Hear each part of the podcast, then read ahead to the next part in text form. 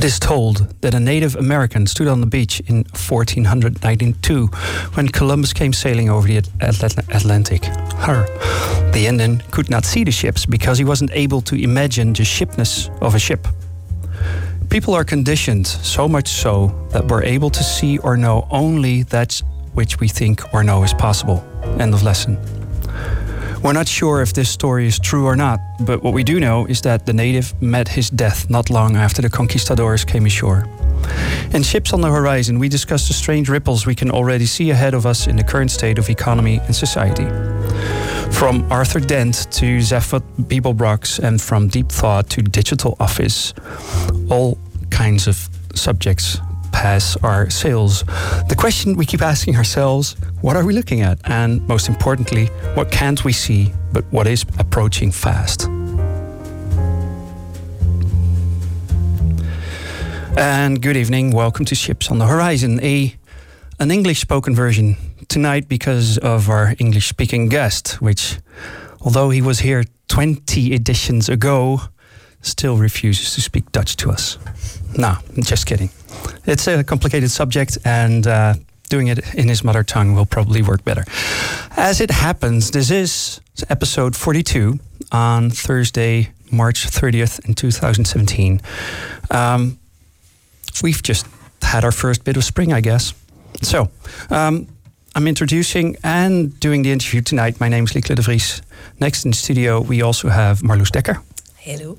And our very special guest, Nick Stevens, Chief, Chief Digital Office Groningen, or as we'd like to call him, Top Dog.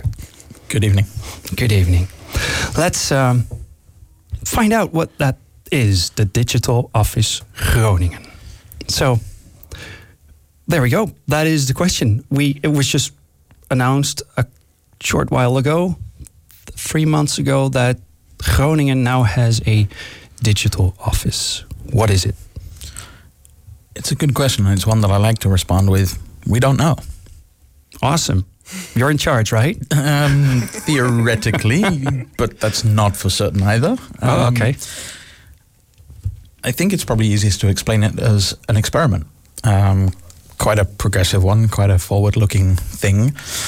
Um, what we do know is that massive change is coming towards all of us.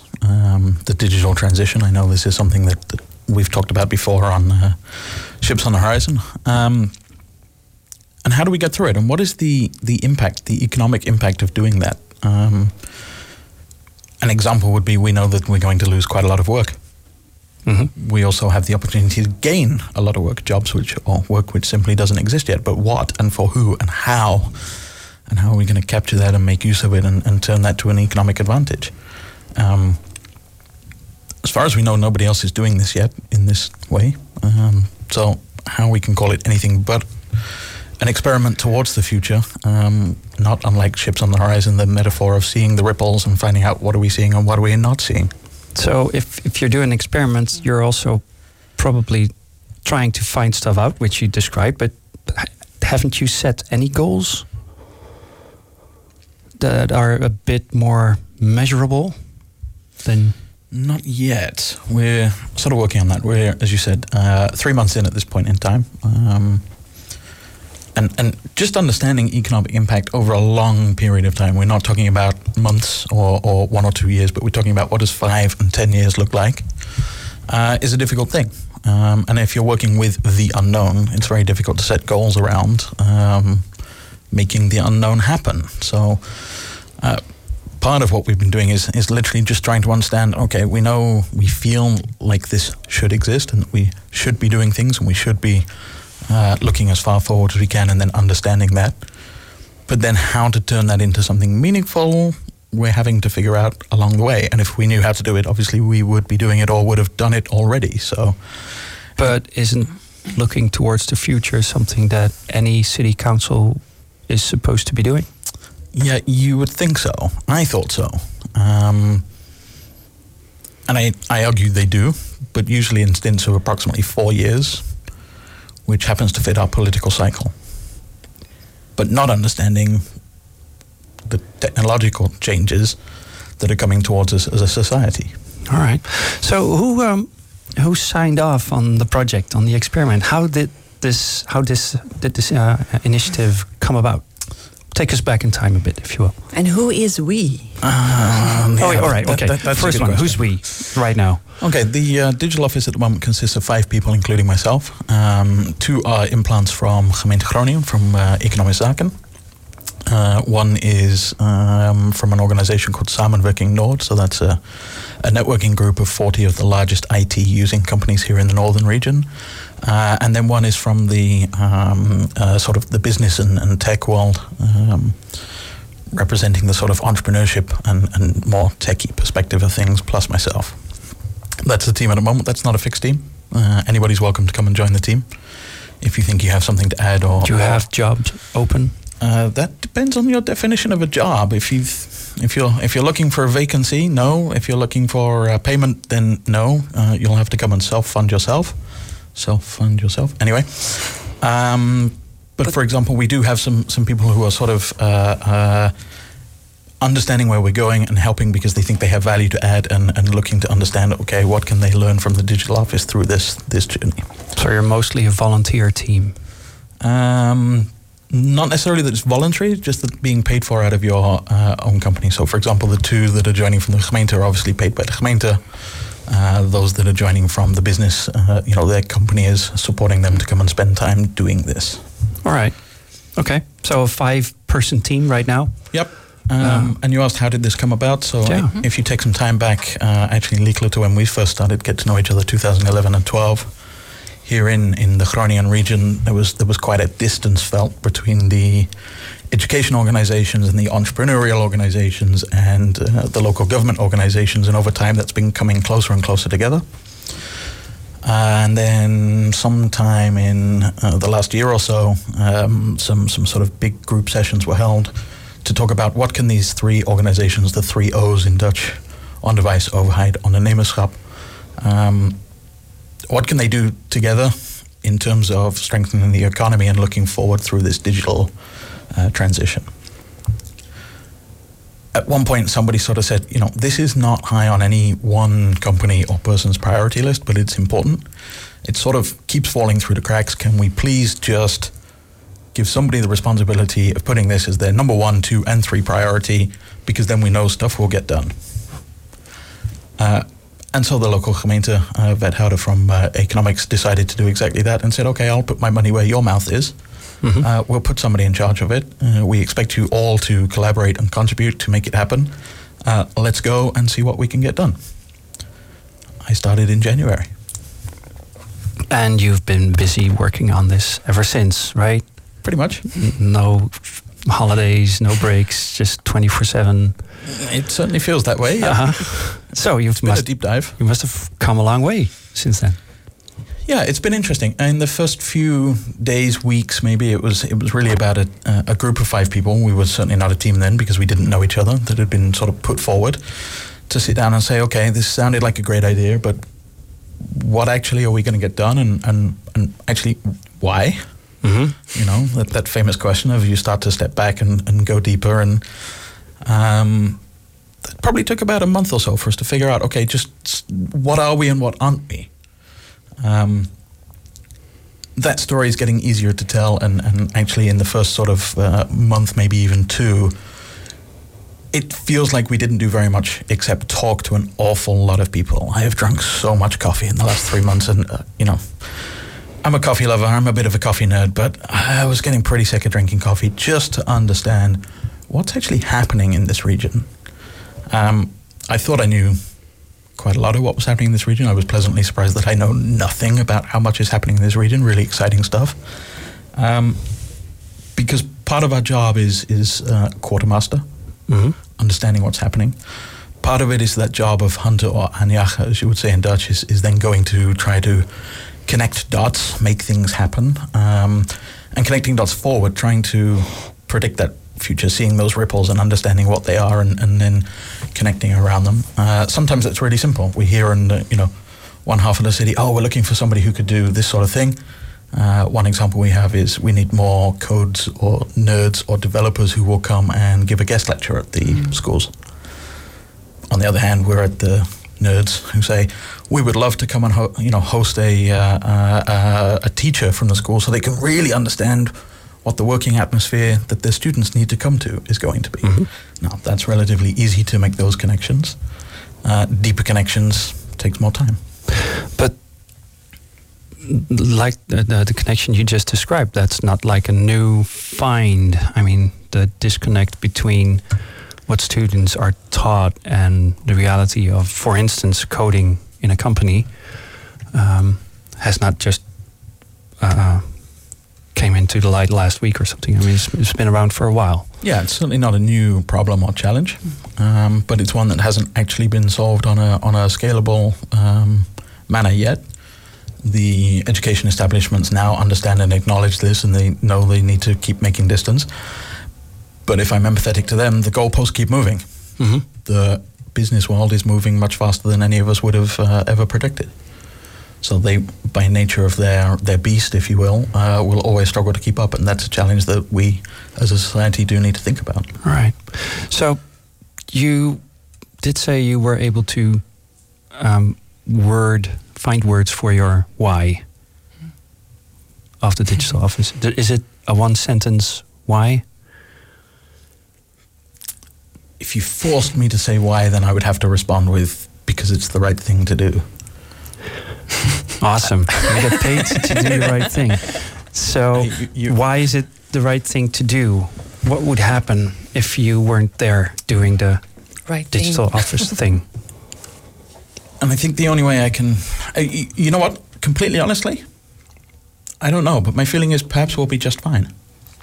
hmm And and I say that That- because we're very know, honest. A, a predominantly wealthy Western European socio-liberal capitalistic country or region if you take Western Europe.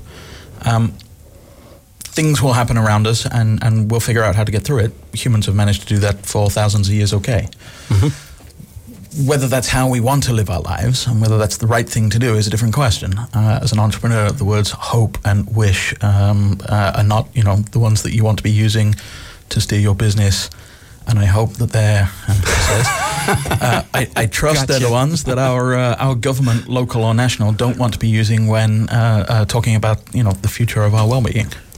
So maybe that that's what this is about. Um, taking a bit more uh, of an aggressive approach towards creating a future Yeah, instead of ending up in one. being active instead of passive. Exactly. Okay. Yeah. So, what does your job entail apart from having drunk boatloads of coffee? Yeah, shiploads of coffee, Shiploads, literally. Um, it's about thinking really far in the future. Uh, um, one of the things that is is still not necessarily particularly clear to the general public at this point is, you know, we're called uh, the Digital Office on behalf of Groningen as a digital city, but we're not actually about the technology. We're about the economic impact of what technology is doing to our society and our work and our uh, um, way of life. So I need to have a reasonable understanding of what's happening in the tech world and uh, development, but I don't need to know the ins and outs, and I certainly don't need to be able to implement it myself. Um, Nicola, we've talked about Bitcoin before and blockchain. I have just, you know, a faint knowledge of, of what's coming, uh, but I don't need to know the level of information you do to go and, and talk to people about how to implement that and really think about it.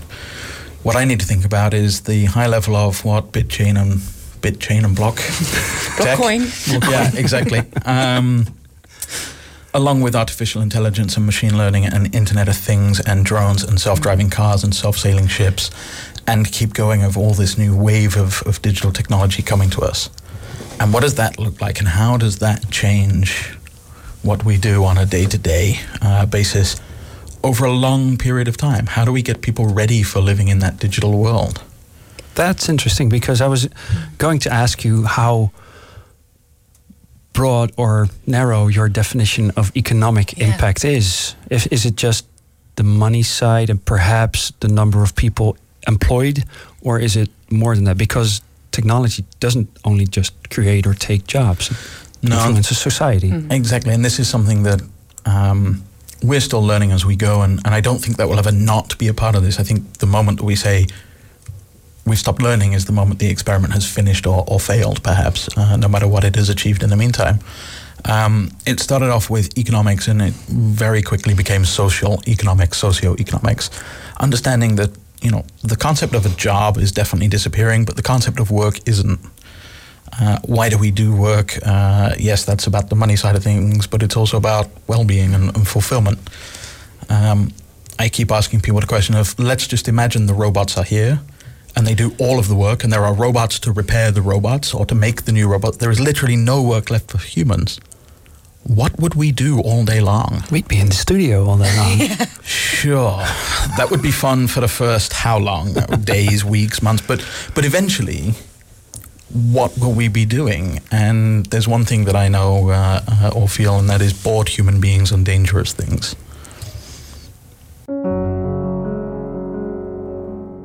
You're listening to Ships on the Horizon. Um, I'm both your host and the interviewer tonight, Lieke de Vries, and we're talking about the Digital City Groningen.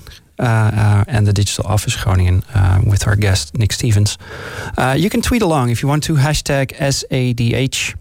And on our website, sadh.nl, you'll find all previous episodes, and those are also freely available in the iTunes Store at under podcasts. Um, um, taking a wild guess here, looking forward. Uh, is there any news from other ships around, or are we going to continue our interview? I actually don't know the word for kraaiennest right now. Crow's nest. Crow's nest, Yeah, right? literally. Okay. Yeah, no crow's nest news. Okay. Well, then let's see. You you just said that you, to- as far as you know, the the stuff that you're doing right now isn't being done anywhere else. Um, uh, but a city like Amsterdam has been very vocal about having a chief technology officer. Yeah. You are a chief digital officer. Are you doing the same stuff that Ger Baron in Amsterdam is? Uh, I think the answer to that is yes and no, and both of those things can be true at the same time. Um, You're confusing me. there is again. some confusion over this CTO and CDO, and it doesn't help that they sound very, very similar, especially if you're pronouncing them in Dutch. Um, but there are two fundamental differences. Um, one is the direction. So uh, if you take uh, a typical CTO, and whether that's in the business world or the, the government world, certainly the case for Ger Baron, um, that is an internal role. So he works for the gemeente. He is a, a, a civil servant with a team internal to the gemeente looking at technology from an internal perspective. And so, whilst he's a little bit untraditional for a CTO, he's not into the computing systems and how to replace their email and stuff like that. That is a typical CTO job, head of IT and infrastructure. He's looking a little bit further out and saying, okay, how can we get involved with things like smart cities, but also from the, the, the gemeente municipal perspective. My perspective is external. I'm looking at what's happening in the rest of the world, and I'm certainly not very interested in replacing the email systems or, or IT systems of the local uh, gemeente. Of course, when you're talking about technology, there is an overlap. Um, and as always, when you're talking about a, a city council or a gemeente, there is always an overlap on what is internal facing and what is external facing. So if uh, a CTO is building an, a new system for, for example, the uh, application of some sort of um, documentation or status that a citizen needs to have from the gemeente, is that an external going in or is it an external internal system that an external person uses? That's a bit complicated. Mhm.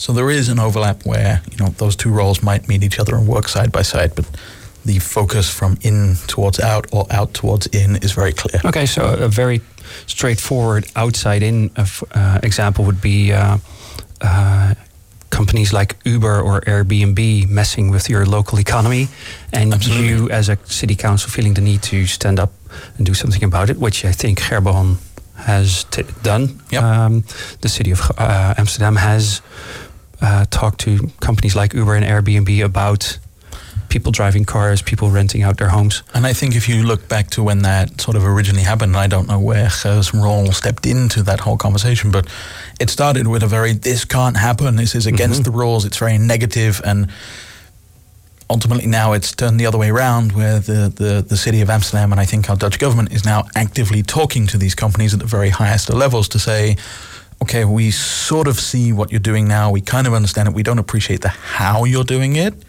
but we're kind of figuring out you're not going away. So how do we now learn to embrace this, How do we work with it? How do we make sure you're not breaking the law but still able to innovate? And it might be as simple as how do we just not get in your way unnecessarily? And would that also be a role that you would be taking up if required? Well, what I'd like to see is that hopefully I can spot those things before they become an issue um, and, and bring them to a table so that we don't necessarily run into the challenges that particularly Uber is uh, um, creating around the world. So, for example, Uber's not here in Groningen, and if they wanted to come here, maybe we should start figuring out how to get them here now, not as in inviting them to be an economic, but if Uber or Lyft or any one of the competitors is coming, we're going to have a challenge. Mm-hmm. Mm-hmm. Should we wait or should we be proactive? I think being proactive would be smarter. All right. Do you have any particular visions on how that might work out? Or is that too far well, ahead? I, I, I, th- I think it's too far ahead, but uh, you know, one example um, that I think is applicable to most city councils around uh, Europe is quite often you, as a citizen, need to go to their office here on the, the Grote Markt, for example, every time you need an appointment. So you have to book an appointment. And fortunately, we're in the Netherlands, so we can do that online now. That was not the case five years ago when I first started being here. Um, but you still have to show up physically to have an appointment. They're running late. You're going to sit there and wait. You get the information, or maybe you don't. You have to book another appointment. You go, why can't we do this stuff, for example, with video calling? Mm-hmm. You know, it's potentially just as effective, maybe even more so, would reduce a lot of wasted time and motion. That could actually have an environmental impact if you're having to drive somewhere or now not driving somewhere. Um, that was technology that five years ago really wasn't ready for the general public use at a city level, and, and now we have companies here in Groningen who are delivering exactly that kind of technology. My question, therefore, as CDO, is when are we going to start using it? All right. And uh, um, um, would any other city contemplating similar things require to also have those companies uh, uh, around, or is I mean, is it is this something that really also originates from the Groninger or northern companies that are located near the city of Groningen? Well, so I think that's interesting. Uh, something I've noticed with a lot of governmental organizations is they don't necessarily want to buy something in; they want to invent it themselves, and that's not always the right plan. And if they're going to invent it themselves with another company, for example, an IT company, they want to use a local company. That makes a lot of sense. Mm-hmm.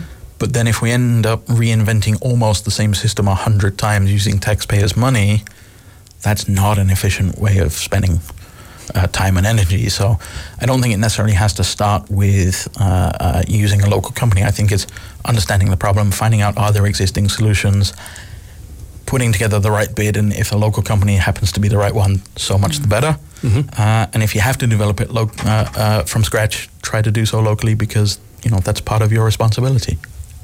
All right. Um, zooming out just a bit. Um, there's been, uh, for instance, uh, Tegenlicht, uh, the VPRO uh, television show, paid some uh, attention, some time to um, the notion that maybe cities are becoming more important than countries are. At least there's a, a, whole bunch of city mayors that believe that they should be or have more influence right now than they used to have, and that maybe they're gaining influence while the uh, uh, national governments are, are losing some uh, uh, influence. Do you have any thoughts about is this a secret coup of the city of Groningen to kind of establish themselves in, in, a new position towards our national government? Um, if it is, I'm I'm I'm the wrong side of the secret. That's for sure. Um, uh, I, I should be clear that whilst I'm I'm I'm working with the gemeente, I'm not employed by them internally. I'm an external, so uh, there's obviously a lot of stuff internally that I don't get to hear about. Um, that doesn't strike me as the sort of direction that I would like to see things let going. for sure. Let me tie it together. If you look at a city as a uh, uh condensation uh, uh, coming together of all sorts of economic activities, um, and uh, a city trying to make the best out of that for its inhabitants, its citizens, then it might make sense as a city to think about well, digital platforms for all kinds of services and information and transactions that support your citizens specifically that might actually uh, compete with stuff that is usually done by governments. I'm not saying you have to, but uh, uh, as a city, there's a lot of stuff that you could actively uh, try and support through your own platforms. Is that an interesting yeah, perspective I, I, on the uh, digital city Groningen, or is it? Well, I understand where you're going, and I, I, I, I wonder if uh, the, the, the the logic that you're expressing is right, uh, but maybe the geography isn't. I don't think, and, and, I'm sure there's some local people who would crucify me for saying this, but Groningen isn't so radically different to Utrecht or, or, Rotterdam, for example. Sure, we have cultural differences and geographical differences of a minor uh, amount, but to somebody from outside the Netherlands, we're all pretty much the same, you know, variations on a theme. Um, earlier last year, I was in uh, Shanghai, for example. Um, that's when you start to understand what a big city really looks like. Um, How many inhabitants does Shanghai have? Uh, I think it was 20 something million. Okay, so more than more than the country. Yeah, the and, and I previously well, uh, lived in Los Angeles, which is a population of 18 million as a city or a, a greater metropolitan area. Um, and so the difference with those cities and the new Asian megacities we've got coming up, which are projected to have more than 50 million inhabitants, you know, if you talk about a city being, and I, I don't want to say more important, but but certainly uh, uh, as big as a country, well, we've already got cities that are bigger than countries. 24 million, I think, uh, the uh, population of Shanghai is. um, thanks to the guys in the crow's nest. Um, so if you take that level of perspective, then yes, the city mayor of Shanghai has to think pretty much at the same level as, as the prime minister of the Netherlands. Mm-hmm. Um, and, and that's a different style of thinking compared to, for example, cities of a few hundred thousand or half a million uh, population. But the economies of scale might be interesting uh, from a, from the different angle to uh, say, as a country, our scale is such that Groningen, Utrecht, Amsterdam could all be suburbs. um, and that would be uh, an interesting way of looking at standardizing systems. Well, I, I think an example of where that's sort of happening, uh, not quite on the topic you're looking at, is but with uh, Startup Delta, uh, run by our Prince Constantijn right now. This is an organization that is designed to promote the Netherlands to the rest of the world as a place for startups, and it's presenting the country in competition with London or Berlin or uh, New York. Mm. Now, those are cities, and we're not saying Groningen is like London or Amsterdam is like London. We're saying if you take everything that's happening in the Netherlands, we're just as interesting as London. And I think that's touching on where you're going as, you know, how do you represent yourself and where do you make decisions? Should it be at a country level or at a city level? And I think, honestly, the answer is it depends. Mm-hmm. Okay. Does um, does your approach and the digital city? You're talking about digital city, but you're always also talking about uh, the region. Um, with the digital office, do we limit ourselves to the city, or is there a responsibility or an approach to make that broader yeah. to the province of Groningen or maybe the north of the Netherlands? Yeah, and this is where I'm, I'm sort of lucky that I'm an outsider because I think everyone will forgive me whenever I get this wrong or, or make a statement that I can then later claim, oops, sorry, I didn't know. Not sure how long I'm going to get away with that for, but um, Groningen is obviously a city, it's obviously a province, and it's part of the North Netherlands. Mm. Groningen as a city needs the region around it. Mm-hmm. The region around it needs the beating heart of the city. Um, and actually, as a, as a northern region, we have so much interesting stuff going on. We can better think of ourselves and profile ourselves as a northern region with various things happening. Um, we're really, in my opinion, too small to worry about that level of geographic politics mm-hmm. of Friesland versus Drenthe versus uh, uh, uh, Groningen. Mm-hmm. There's plenty of stuff going on that we can all get lunch from it.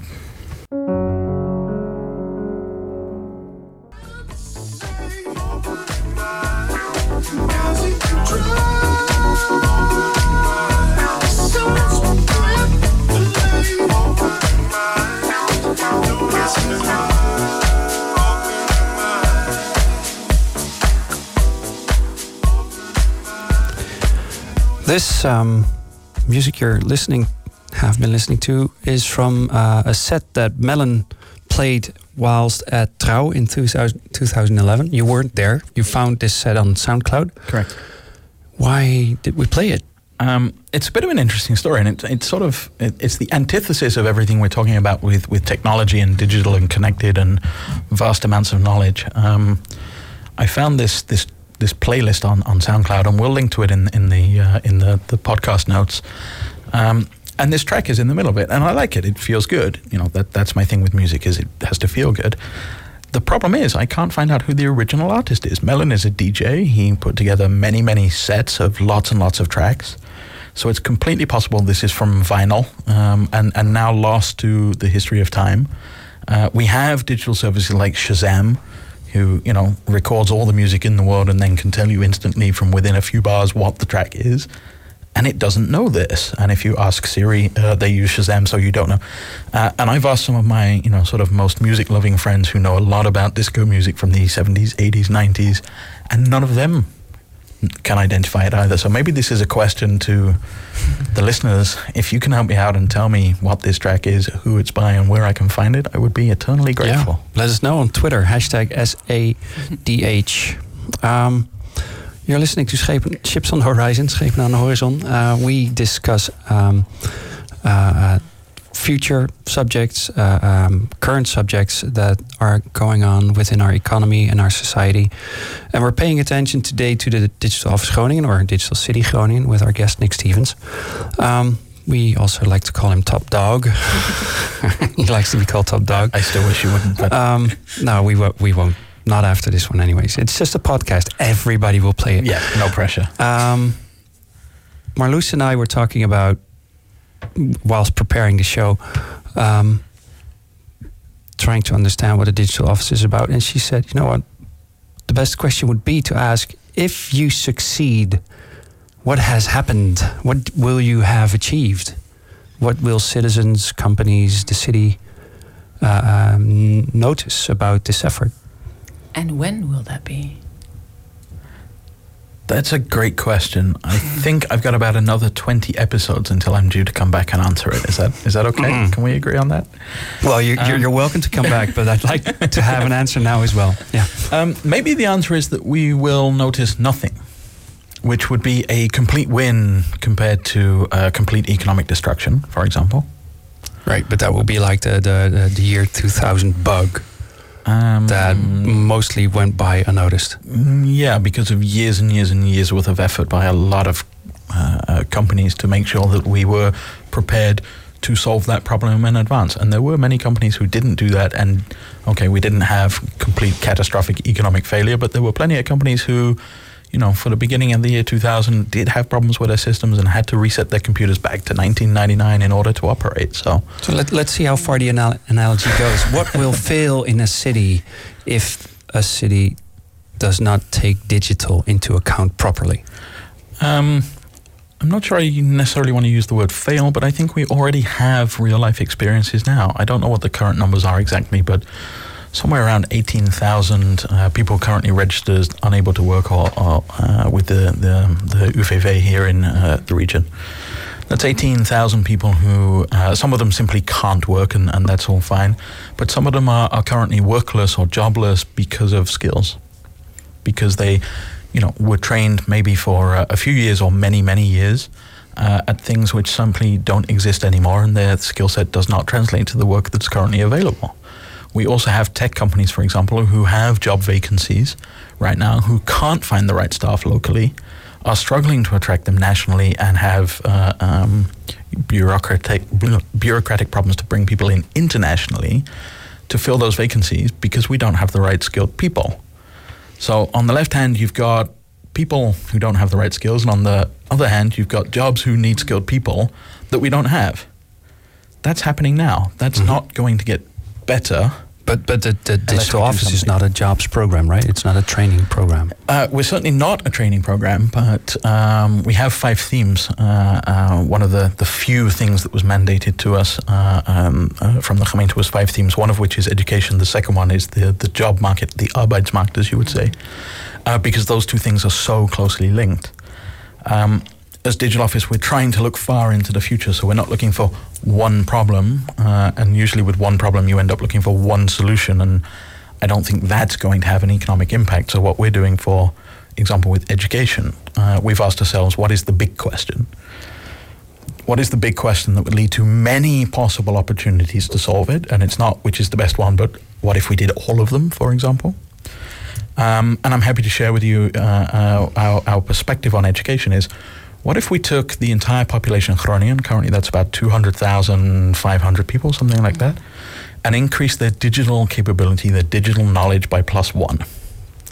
So imagine you're two years old, your knowledge of digital is pretty much zero. We give you your first iPad, you start to play. Okay, now that's happening at home already. Mm-hmm. But what if you're 22 years old and, and studying art and doing nothing digital? That's going to be a tough way to earn a living. You know, starving artists have been around for decennia already. Centuries, um, yeah. So, how, how do we now give those people digital skills? How do we take the people who are uh, currently jobless and will not be able to get a job using the skills they currently have? Mm-hmm and give them some digital skills. So maybe they're a four and we get them to a five. And how do we take the nerds who are at a seven and get them to an eight? But uh, one of the things I find very confusing is is when I try to understand what your definition of digital is, because once upon a time, in the notion of a city, uh, it was very logical to have a bureau take uh, um, control over the installation of a sewage system. That was a very straightforward improvement to the infrastructure of a city um, with a start and an end date and a very specific form of execution. But what is digital in that sense? In the sense of a sewage system? No, no, in, in, the way you're approaching it, because you're talking about jobs, you're talking yeah. about, for so, instance, the, the, the, art student mm-hmm. yep. doing digital stuff instead of just old fashioned stuff. But what would digital okay. stuff be for him, and would it be well, the let, same for everybody let, else? Let, us take an example, and I'm just looking around this room right now. We're all wearing headphones plugged into a, a system that's mm-hmm. pretty analog by the look of it. Mm-hmm. But you're staring at your iPad Pro. On this desk are a bunch of iPhones, and these are doing work for us right now. You're reading your scripted elements and your notes off that machine. If I look through the window into the crow's nest, there are computers and sound machines and all sorts of. This is all digital technology. Gone are the days where a radio DJ would just sit in an isolated room with nothing more than a microphone and a uh, radio broadcaster. Digital has, has crept into almost everything we can do. And um, I see Ronald Mulder sitting in the crow's nest, and we, we've had this conversation a few times where he says, you know, digital is not equally applied to everyone. The baker, the traditional baker, still making bread every morning at four from flour, water, and yeast. What do they care about digital? And that might be right if you're talking about baking the bread, but they still have to do their taxes online. And if that baker is 65 years old, 70 years old, 80 years old, that might be a challenge for now. Uh, the baker might not be able to buy their products locally anymore and have to go and do their uh, um, uh, purchasing of raw ingredients online. They might be importing products from anywhere around the world online. So digital is creeping into everything we do. So what, what can you do on the scale of a city besides training then? Uh, so training is one end, is how to make sure we have people with the right skills. Um, but there's a consequence to that. Let, for example, just say I could take 5,000 people out of the UWV. These are the ones that are capable of work, but have the wrong skills. We send, spend six months, millions of euros training them and give them all digital skills. And now what? And now what, yeah. That's not the solution. That's part of a solution. Mm-hmm. Uh, we also need to uh, ensure that there is uh, work for those people to do, and whether that is locally, nationally, or internationally, that's a different discussion. But uh, just making sure people uh, have the right skills is only half of the battle, and, and maybe not even half. Um, yes, we have businesses all throughout the region at the moment who are desperate for technical people. Uh, but what happens when all those vacancies are filled? And on the uh, uh, on at the same time, digital um, uh, makes um, jobs disappear as well the digital tech, isn't it? Uh, yes, but I think it also makes some jobs appear. Okay. So the concept, uh, very hip in the in the, the startup and the online marketing world right now, of a growth hacker, mm. somebody who is focused on how to grow our business online as fast as possible. You know, this is part marketeer. Well, that's almost all online these days. Mm-hmm. Uh, it's part data scientist, right? They have to be able to take large amounts of data and analyze it uh, and they have to be part technically savvy to understand okay what experiments could we be doing on our website to convert this traffic or to make our business better and then and that job as a single job didn't exist 10 years ago there were elements of it spread around three or four different people. And so, sure, we might have now lost three jobs into one, but that's a new job that never existed before. And by the way, for those people who are listening, growth hackers are in hot demand right now all over the world, uh, and there are not many in Groningen. So that is an opportunity right now to take, get yourself skilled, trained, uh, uh, and go take advantage of that opportunity whilst it's still here. How far away is that future you're talking about? Ah, this is a fascinating one. Um, if you go back to 1993 slash four when the internet first came to the general public, I remember it well. It was like, oh, that's cute. I can send messages. They weren't even real time, right? You would send it and you would have to wait, and some seconds, sometimes minutes later, uh, the message would come back. We had no concept of things like, you know, instantaneous email, WhatsApp, uh, sending photographs. That was not logical at that point in time. We had no idea what was coming. And if we look at all of the technologies and the, the transitions that those technologies are going to bring with them that are coming now, on the one hand, it feels like it's coming really, really fast and, and, and we're almost out of time. And on the other hand, in our day to day lives, we almost don't notice it happening. Mm. It feels like we've been talking about this for 10 years already. Uh, and there is actually a scientific theory that, that talks about uh, how far sort of out of a situation you zoom uh, changes the speed at which you feel the change is happening. Uh, so the, the, the closer in we zoom, the less we notice it, and the further out we zoom, the wow, that happened fast. So do you have a time scale that you apply then? No, or? it's that that's the point is it's fluid depending on the context. Okay. So if we talk about artificial intelligence, I think for most of us right now, we are aware that it sort of exists. We're aware it's coming. We're aware that it's starting to be used. But we're probably not aware how fast it is developing. And that really is developing on the exponential curve of it's doubling every, uh, every time period that you measure. Right. Uh, which means that it's getting better and better and better. And each time it gets double better, it's taking half the time to achieve that to the point where we'll blink and we'll already have it. All right. So let's try the question once more. When you, you or I should say, the digital office or the digital city Groningen is a success, what have we achieved? What will we have seen? We will have, and don't make it a negative. wow. Um, I, I, I'm honestly struggling with this one at the moment. Uh, um, uh, look, look, things that we do is is is take stock of what's happening. Um, we look at who's doing it. We connect people. We connect things. We're uh, also initiating our own projects to to um, kickstart things, uh, which we hope to then become normal.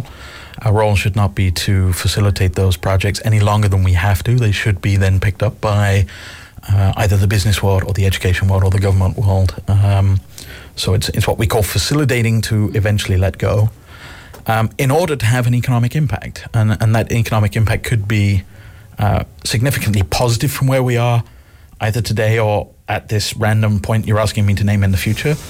Uh, or it could be uh, uh keeping a status quo when it could have gone negative, which I realize you don't want me to say. But it, this welcome to my world. I'm living this every day, well, and it's you know it's it, it sounds like a fun challenge, nonetheless. I, I it also it's it's probably the most challenging thing I've done. And it also sounds like you're kind of the not the innovation bureau for the city as a whole, but you're, you're you are sparking innovations and making connections, trying to sure. make sure that we don't fall asleep and and uh, age without grace.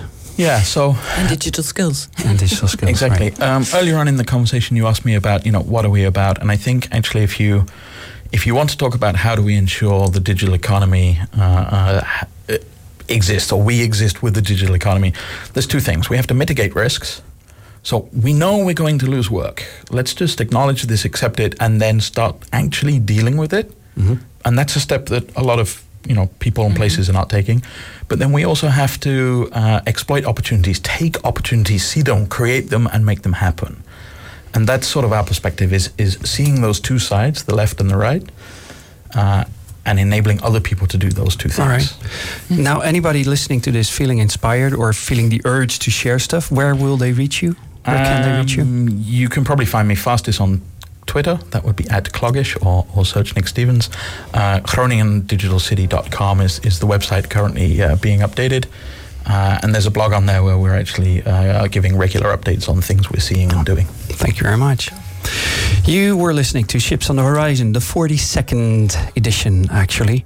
We hope you have your towel readily available whenever you go traveling. We want to thank our partners, Oog Radio, Voice Telecom, Warpnet, and Studium Generale. Next month, we'll have a new guest, a new subject. It's going to be a surprise. It's going to be awesome. It's going to be great. And until then, you can find everything online at sadh.nl or for free in the iTunes Store under podcasts. Schepen aan de Horizon is created by Ronald Mulder, Lieke de Vries, Maarten Brons, Marloes Dekker, Stephanie van der A, Bob Voorneveld and Juri Sepp.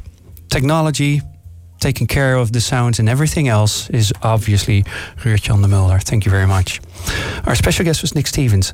Thank you so much for coming. Thanks for having me. Looking forward to seeing you in another 20 episodes, maybe. Let's make it a date. all right. Um, thank you all and have a great day. Bye.